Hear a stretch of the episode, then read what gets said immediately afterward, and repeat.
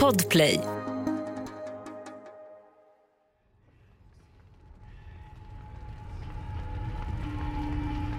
Jag försökte skrika, men stämbanden var för torra. Försökte springa, men jag visste inte vart. Allt var ett virrvarr av orange och svart. Min enda tanke var att jag måste upp till dem. Upp till barnen. Jag letade vilt med blicken. Varje andetag allt mer smärtsamt. Det kändes som att lungorna fyllts med knivar. Jag hukade mig ner och sprang allt vad jag orkade och nådde till slut kanten av trappan. Det sista jag gjorde innan jag satte foten på första trappsteget var att kasta en blick bakåt. Det borde jag aldrig ha gjort.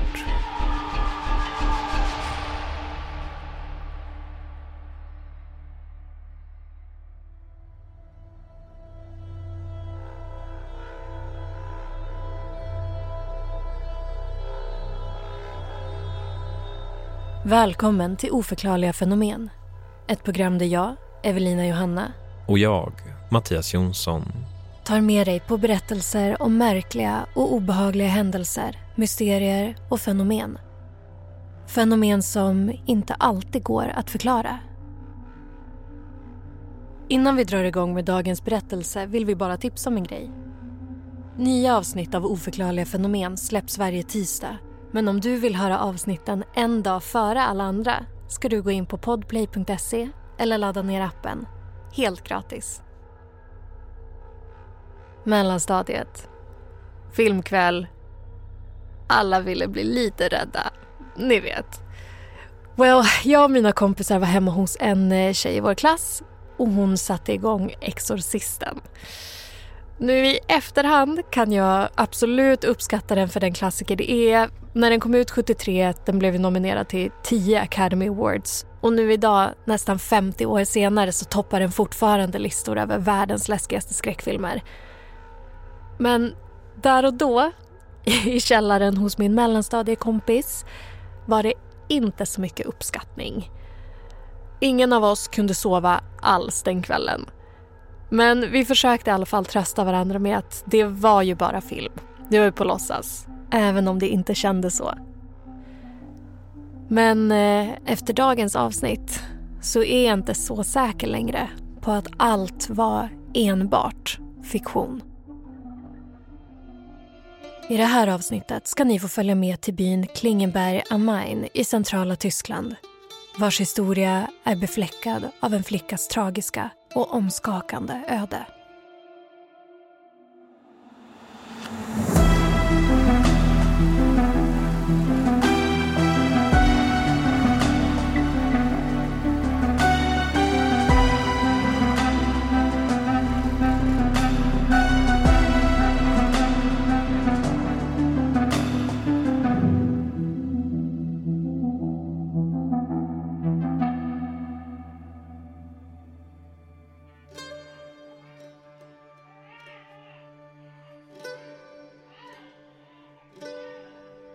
September år 1952 föds Annelise Michel in i en mycket troende katolsk familj. Hon blir den yngsta av fyra systrar och hennes föräldrar, Anna och Josef, uppfostrar alla barnen enligt den kristna läran. Bilder från barndomen porträtterar en söt flicka med mörkt glänsande hår och livliga ögon. Men snart ska allt komma att ändras. När Annelise är 16 år drabbas hon av ett krampanfall Händelsen skrämmer henne och hon söker vård för att ta reda på vad som hänt. Snart ger läkarna ett tufft besked. Annelise har temporallobs epilepsi. En sjukdom som gör att den sjuke när som helst kan drabbas av intensiva krampanfall och i korta stunder tappa kontakten med omvärlden. Som tur är går det att behandla sjukdomen. Anneli ska inte behöva leva med de här anfallen för evigt, berättar läkarna. Hon börjar träffa en psykolog och får läkemedlet Diatlin utskrivet som ska förebygga och mildra anfallen. Snart får hon också medicin som ska motverka de psykosliknande inslagen. Men ingenting ska komma att bli som läkarna hoppas.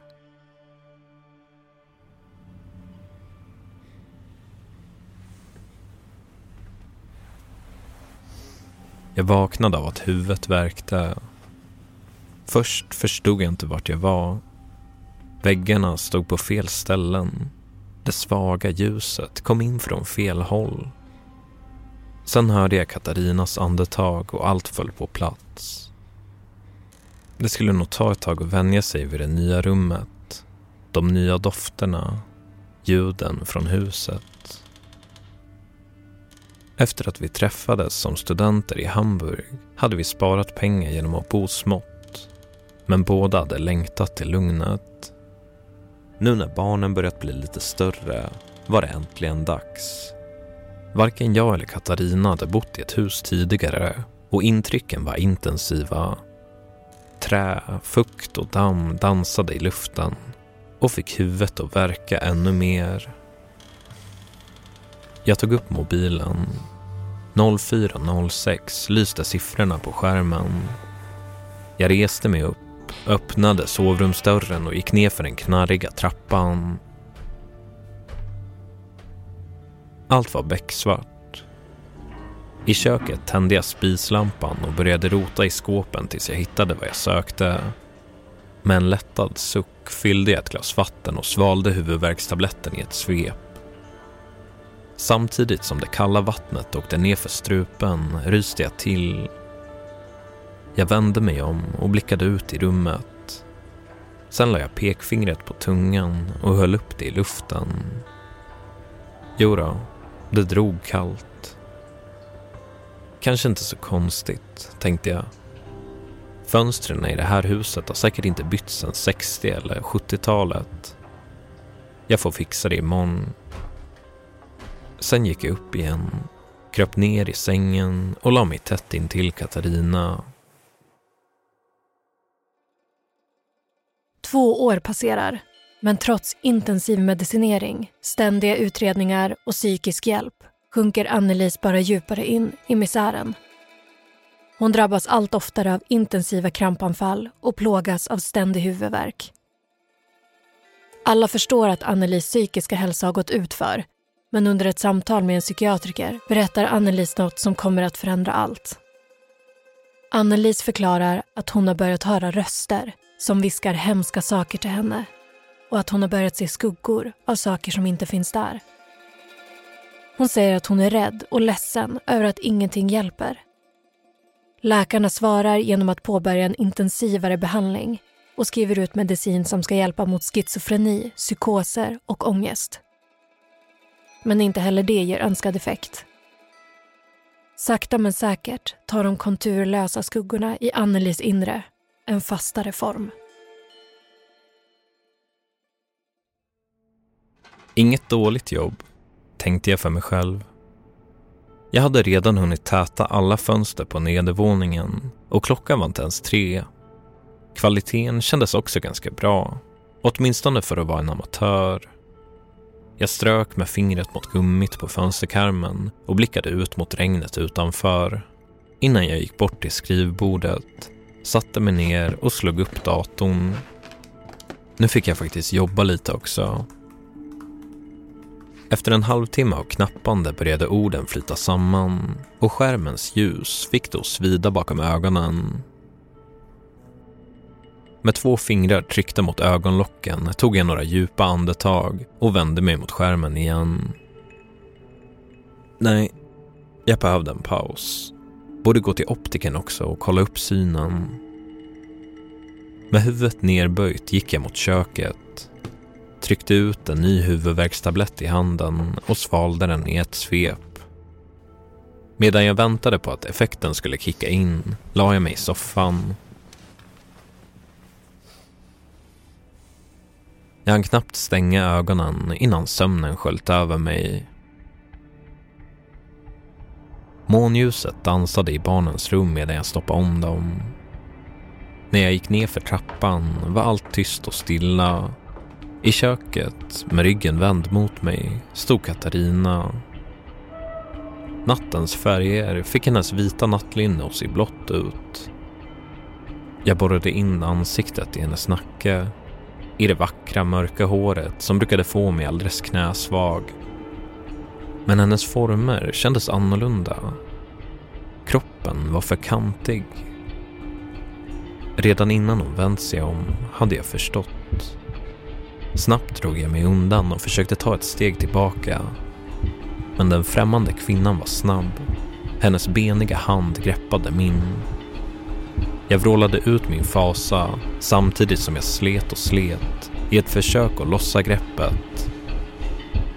Sen, som om verkligheten släppte taget om sig själv, kom jag upp till ytan och slog upp ögonen. Jag låg kvar i soffan och kände jag inte att det fortfarande drog kallt.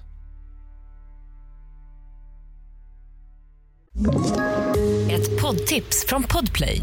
I fallen jag aldrig glömmer djupdyker Hasse Aro i arbetet bakom några av Sveriges mest uppseendeväckande brottsutredningar. Går vi in med hemlig telefonavlyssning och, och då upplever vi att vi får en total förändring av hans beteende. Vad är det som händer nu? Vem är det som läcker? Och så säger han att jag är kriminell, jag har varit kriminell i hela mitt liv men att mörda ett barn, där går min gräns. Nya säsongen av Fallen jag aldrig glömmer på Podplay.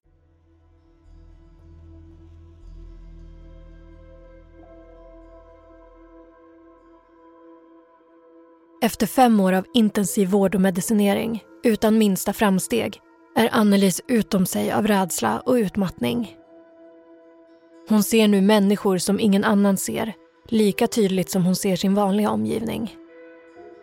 Det enda som får henne att kunna skilja på vad som sker i hennes huvud och utanför det är att de karaktärer som besöker henne är demoner. De har förskräckliga ansikten och säger till henne att hon kommer att ruttna i helvetet. En familjevän till Michelles får höra talas om Annelies besvär och erbjuder sig att ta med henne till den heliga platsen San Damiano i Italien för att få ro i själen. Men resan ska visa sig i motsatt effekt. När Annelise kommer fram till San Damiano mår hon sämre än någonsin tidigare.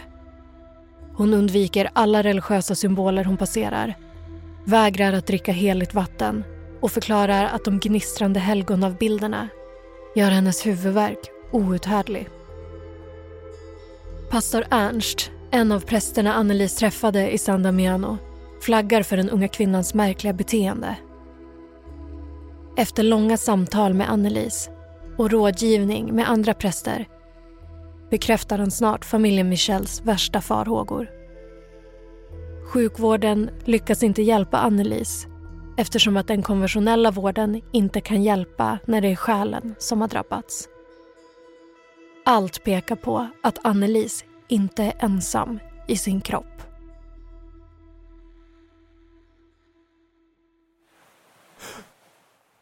Den natten vaknade jag ännu en gång av den nu välbekanta sprängande huvudvärken. Jag brydde mig inte om att försöka somna om. Det skulle ändå inte gå.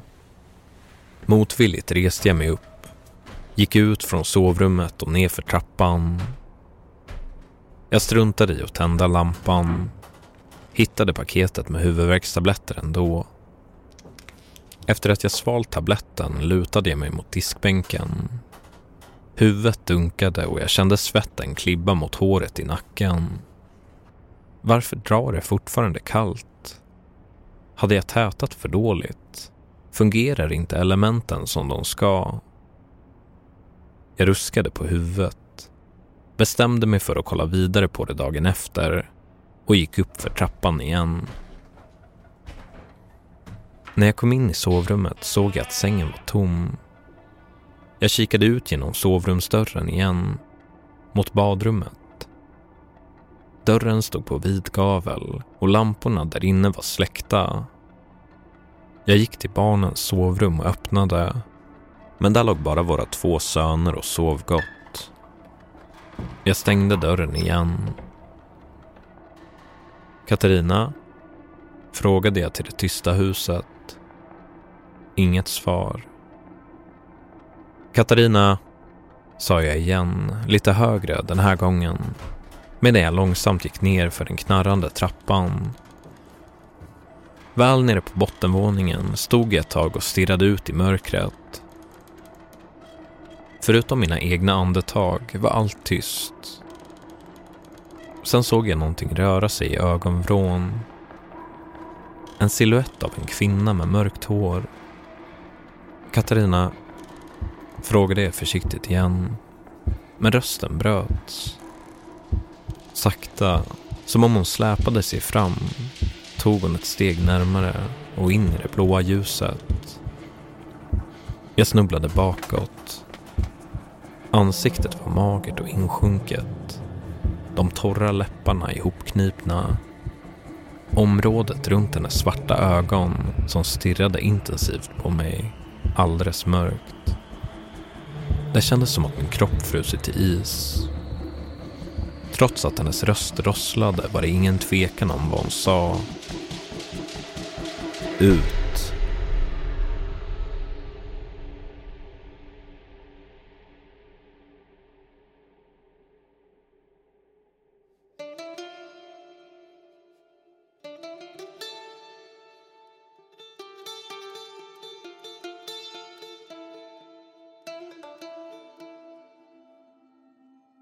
När Annelies återvänder från San Damiano börjar både hon och familjen böna och be den katolska kyrkan att utreda Annelies. Men kyrkan avvisar dem och hänvisar tillbaka till sjukvården. En präst berättar dessutom för dem att om, bara om något mörkare skulle gömma sig inom Annelies så är det självaste biskopen som måste godkänna vidare åtgärder. Uppgiven och tärd återvänder Annelies därför till sjukhusets psykiatriavdelning för fler behandlingar. Ett ytterligare läkemedel skrivs ut som ska hjälpa mot epileptiska anfall och stabilisera Annelies mående. Samtidigt fortsätter läkarna ge henne läkemedel mot psykoser och hallucinationer. Men ingenting hjälper. I hennes starkare stunder vädjar Annelies om att få hjälp av kyrkan men mörkret börjar ta över mer och mer. Hon har blåmärken på kroppen från alla gånger hon slagit sig själv och svarta prickar på tänderna från insekter hon knaprar på. En dag hittar Annelies syster henne ihopkurad i sitt rum med ansiktet mot golvet. Så fort stanken slår mot systerns ansikte förstår hon vad det är hon ser. Annelies har kissat på golvet och lapar nu i sig urinet som en katt. I september 1975 får Annelies äntligen sin önskan igenom. Efter år av vädjan från familjen Michel och pastor Ernst som sedan resan till San Damiano hållit ett vakande öga på Annalise kommer beskedet. Biskop Josef Stangel ger tillstånd att genom exorcism driva ut andarna från Annelise. Beskedet är hemlighetsstämplat och total sekretess råder när den katolska prästen Arnold Renz reser till familjen Michels. Den första exorcismen hålls den 24 augusti 1975 tre dagar efter att Annelise fyllt 23 år. Ritualen pågår i timmar. 600 gånger faller Annelise på knä i bön Enligt fader Rens fyllde han i smyg omärkta flaskor med heligt vatten som han försökte få henne att dricka, men Annelise vägrade. Samtidigt, i de stunder hon har mer kontakt med verkligheten förklarar Annelise att hon accepterar sitt öde som martyr. Att lida för att skydda resten av mänskligheten. Under de kommande tio månaderna utförs 67 ritualer på Annelise hennes knän är alldeles sönderslagna från alla gånger hon måste falla ner på knä i bön. Och hennes vägran att äta har gjort henne ytterst mager. Men nu har hon ett nyfunnet hopp. Hon har nämligen fått en vision. Hon berättar med glädje för familjen och prästerna att den 1 juli 1976 ska hon äntligen befrias.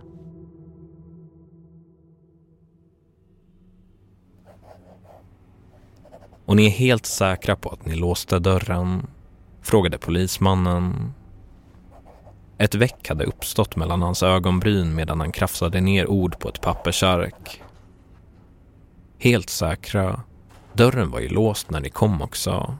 Så den där kvinnan kan inte ha lämnat den vägen heller, svarade jag. Varken jag eller Katarina brukade någonsin glömma att låsa ytterdörren en vana vi tagit med oss från åren i Hamburg.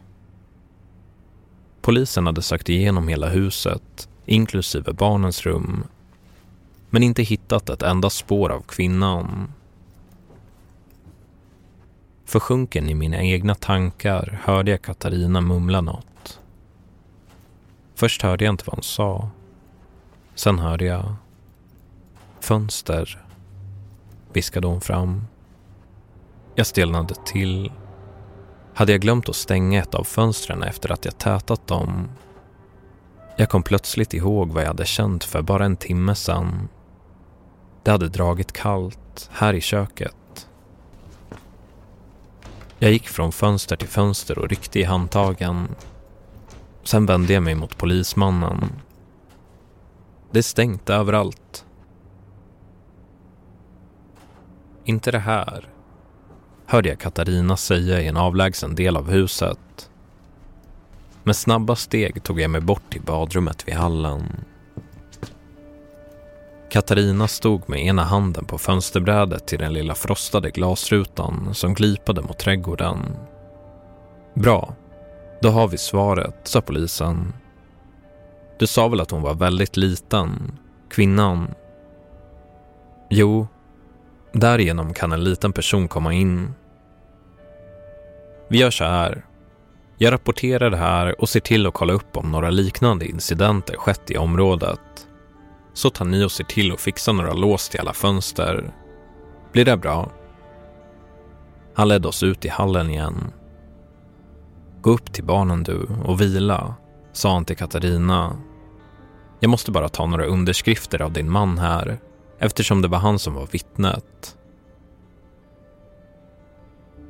Obehagliga grejer det där, muttrade polisen medan han lämnade över några papper och en penna till mig. Men försök att inte skrämma upp varandra. Vi ska se till att reda ut vem det var som var här. Man ska inte slösa energi på sån skrock. Det var bara ett inbrott. Skrock?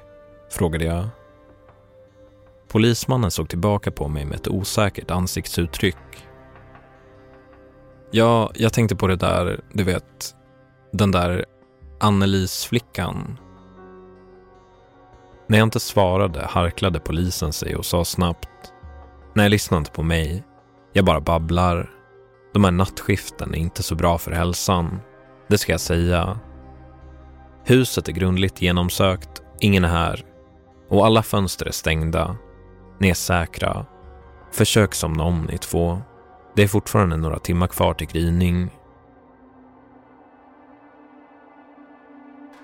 Huvudet snurrade när jag kröp ner bredvid Katarina. Jag hörde på hennes andningar att hon fortfarande var vaken, så jag viskade åt henne att hon kunde sova. Men det kändes som att jag hade en orkan i huvudet, där tusen frågor blåste förbi så snabbt att jag inte hann ta tag i dem. Hade den där kvinnan krupit in genom badrumsfönstret? Nog var hon tunn, men till och med en mycket liten människa skulle ha svårt att komma in därigenom. Då kom jag ihåg det. Jag lossade mitt grepp om Katarina och tittade på henne i mörkret. Var var du? frågade jag tyst. Hon svarade inte. Var var du när jag gick ner för trappen och såg henne? Katarina vände sig långsamt mot mig. Hennes ögon blänkte i det skumma ljuset. Hon såg på mig ett tag med ett ansiktsuttryck som jag hade svårt att tolka. Jag var här, i sängen. Nej, det var det inte. Det var därför jag var uppe. Jag letade efter dig. Thomas, sluta nu. Du skrämmer mig, viskade hon. Poddtips från Podplay. I podden Något Kaiko garanterar östgötarna Brutti och jag, Davva, dig en stor dos skratt. Där följer jag pladask för köttätandet igen. Man är lite som en jävla vampyr. Man har fått lite blodsmak och då måste man ha mer. Udda spaningar, fängslande anekdoter och en och annan arg rant. Jag måste ha mitt kaffe på morgonen för annars är jag ingen trevlig människa. Då är du ingen trevlig människa, punkt. Något Kaiko, hör du på Podplay. Därför är gardinerna. Den 1 juli 1976 Samma dag som Annelies förutspått att hon skulle bli fri från andarna dör hon i sin säng. Hon har vid det här laget genomgått 67 exorcistiska ritualer och är knappt igenkännbar. Hennes döda kropp väger bara 30 kilo trots att hon om bara några månader skulle ha fyllt 24 år. Bilder från hennes sista tid i livet vill man inte titta på för länge. Ser man foton från hennes tonår kan man knappt tro att det är samma person. Annelies ansikte är alldeles stramt. Tänderna fulla av mörka fläckar och hela området runt ögonen svart. Det tidigare så vackra mörka håret var under hennes sista dagar tunt och slitet. När de tyska myndigheterna får se Annelies döda kropp upprättas direkt en orosanmälan och en utredning inleds. Varför var hon så ofattbart tunn? Utredarna spekulerar kring om läkemedlen kunde ha varit en bidragande faktor till att Annelies dog. Men resultaten från obduktionen bekräftar myndigheternas farhågor. Annelies dog av undernäring och uttorkning till följd av att hon nästan i ett års tid fått i sig för lite mat och vatten. Föräldrarna och de inblandade prästerna anmäls för dråp. Åklagaren menar att föräldrarna, som under Annelies sista månader inte kontaktade sjukvården eller tvingade henne att äta mer, behandlade Annelies med sån vårdslöshet att hon miste livet. Föräldrarna försöker förklara hur Annelies tillstånd gjorde att hon vägrade äta och att de gett upp på sjukvårdens hjälp efter nästan sju år av vård som bara gjorde saker värre.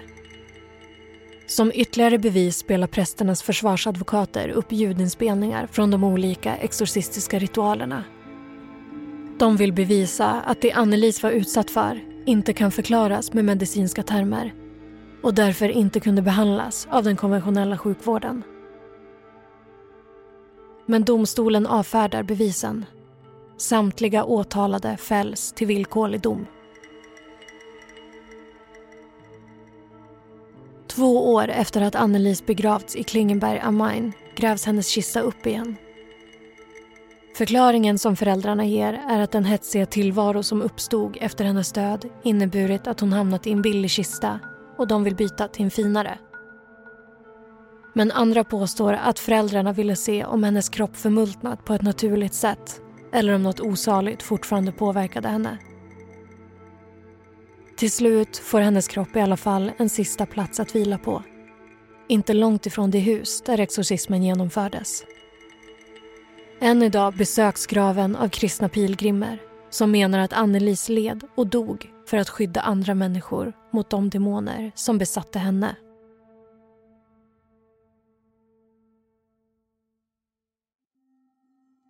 Vad var det som hände? Hade jag gått i sömnen? Hade jag drömt allt? Började all denna sömnbristen göra mig galen? Huvudvärkstablettens effekt hade avtagit nu och den välbekanta, tryckande känslan bakom pannbenet var tillbaka. Vad var det polisen hade sagt egentligen? Vi skulle inte oroa oss. Det är bara gammal skrock. Han hade nämnt ett namn. Ann någonting. Anna. Nej, Annabelle. Sen kom jag ihåg. Annelise.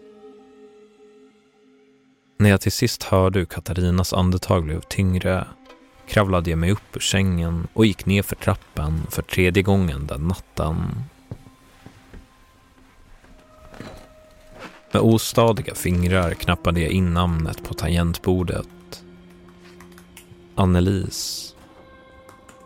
Sen la jag till Klingenberg am Main och tryckte på enter.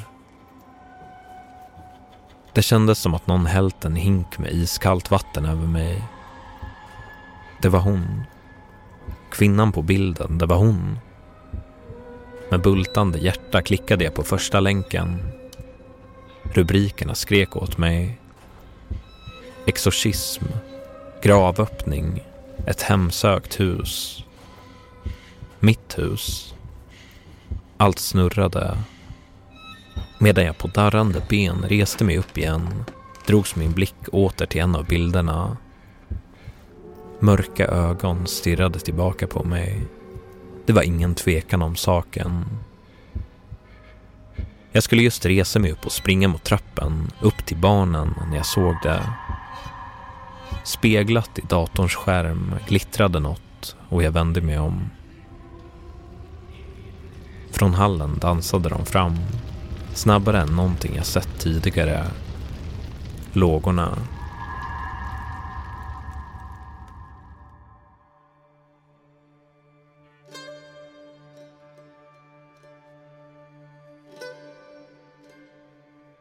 Den 6 juni 2013 brinner det hus där exorcismen ägde rum, huset där Annelies dog, ner till grunden. Elden var intensiv och lågorna höga. Trots en grundlig undersökning kunde polisen aldrig hitta någon skyldig till katastrofen. Datumet för branden, den 6 juni 2013, har orsakat många spekulationer. Den sjätte dagen av den sjätte månaden, år 2013, som om man adderar de individuella siffrorna, 2 plus 1 plus 3, blir till 6. 666, djävulens siffra. Polismyndigheten misstänker än idag mordbrand men i byn viskas det fortfarande om en annan förklaring. Vissa säger att de såg någonting inne i huset under branden. En siluett av en mycket mager kvinna med mörkt hår som stod alldeles stilla i lågorna.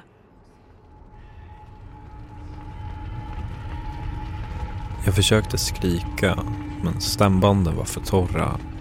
Försökte springa, men jag visste inte vart. Allt var ett enda virrvarr av orange och svart. Min enda tanke var att jag måste upp till dem. Upp till barnen. Till Katarina.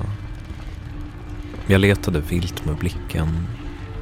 Varje andetag allt mer smärtsamt. Det kändes som att lungorna fyllts med knivar. Jag hukade mig ner och sprang allt jag orkade och nådde till slut kanten av trappan. Det sista jag gjorde innan jag satte foten på första trappsteget var att kasta en blick bakåt. Det borde jag aldrig ha gjort.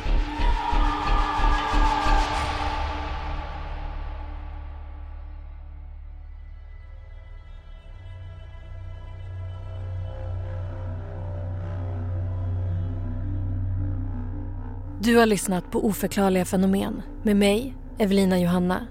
Och mig, Mattias Jonsson. Manuset är skrivet av Emelie Nyblom. Redaktör Alex Häger. Originalmusik Adam Bejstam. Huvudtema Oskar Wendel. Ljuddesign Viktor Persson. Exekutiv producent Victoria Rinkos. Oförklarliga fenomen görs av oss på podcastbolaget Cast. För att se bilder på bland annat Annelies och huset hon bodde i, gå in på vår Instagram. Och besök vår TikTok för fler obehagliga och oförklarliga historier. I nästa avsnitt får vi uppleva vad som händer när människan pressas till sin yttersta gräns. En grupp sovjetiska forskare ska undersöka vilka effekter en månad utan sömn har på människokroppen. Resultaten blev mer fasansfulla än något de någonsin kunnat tänka sig.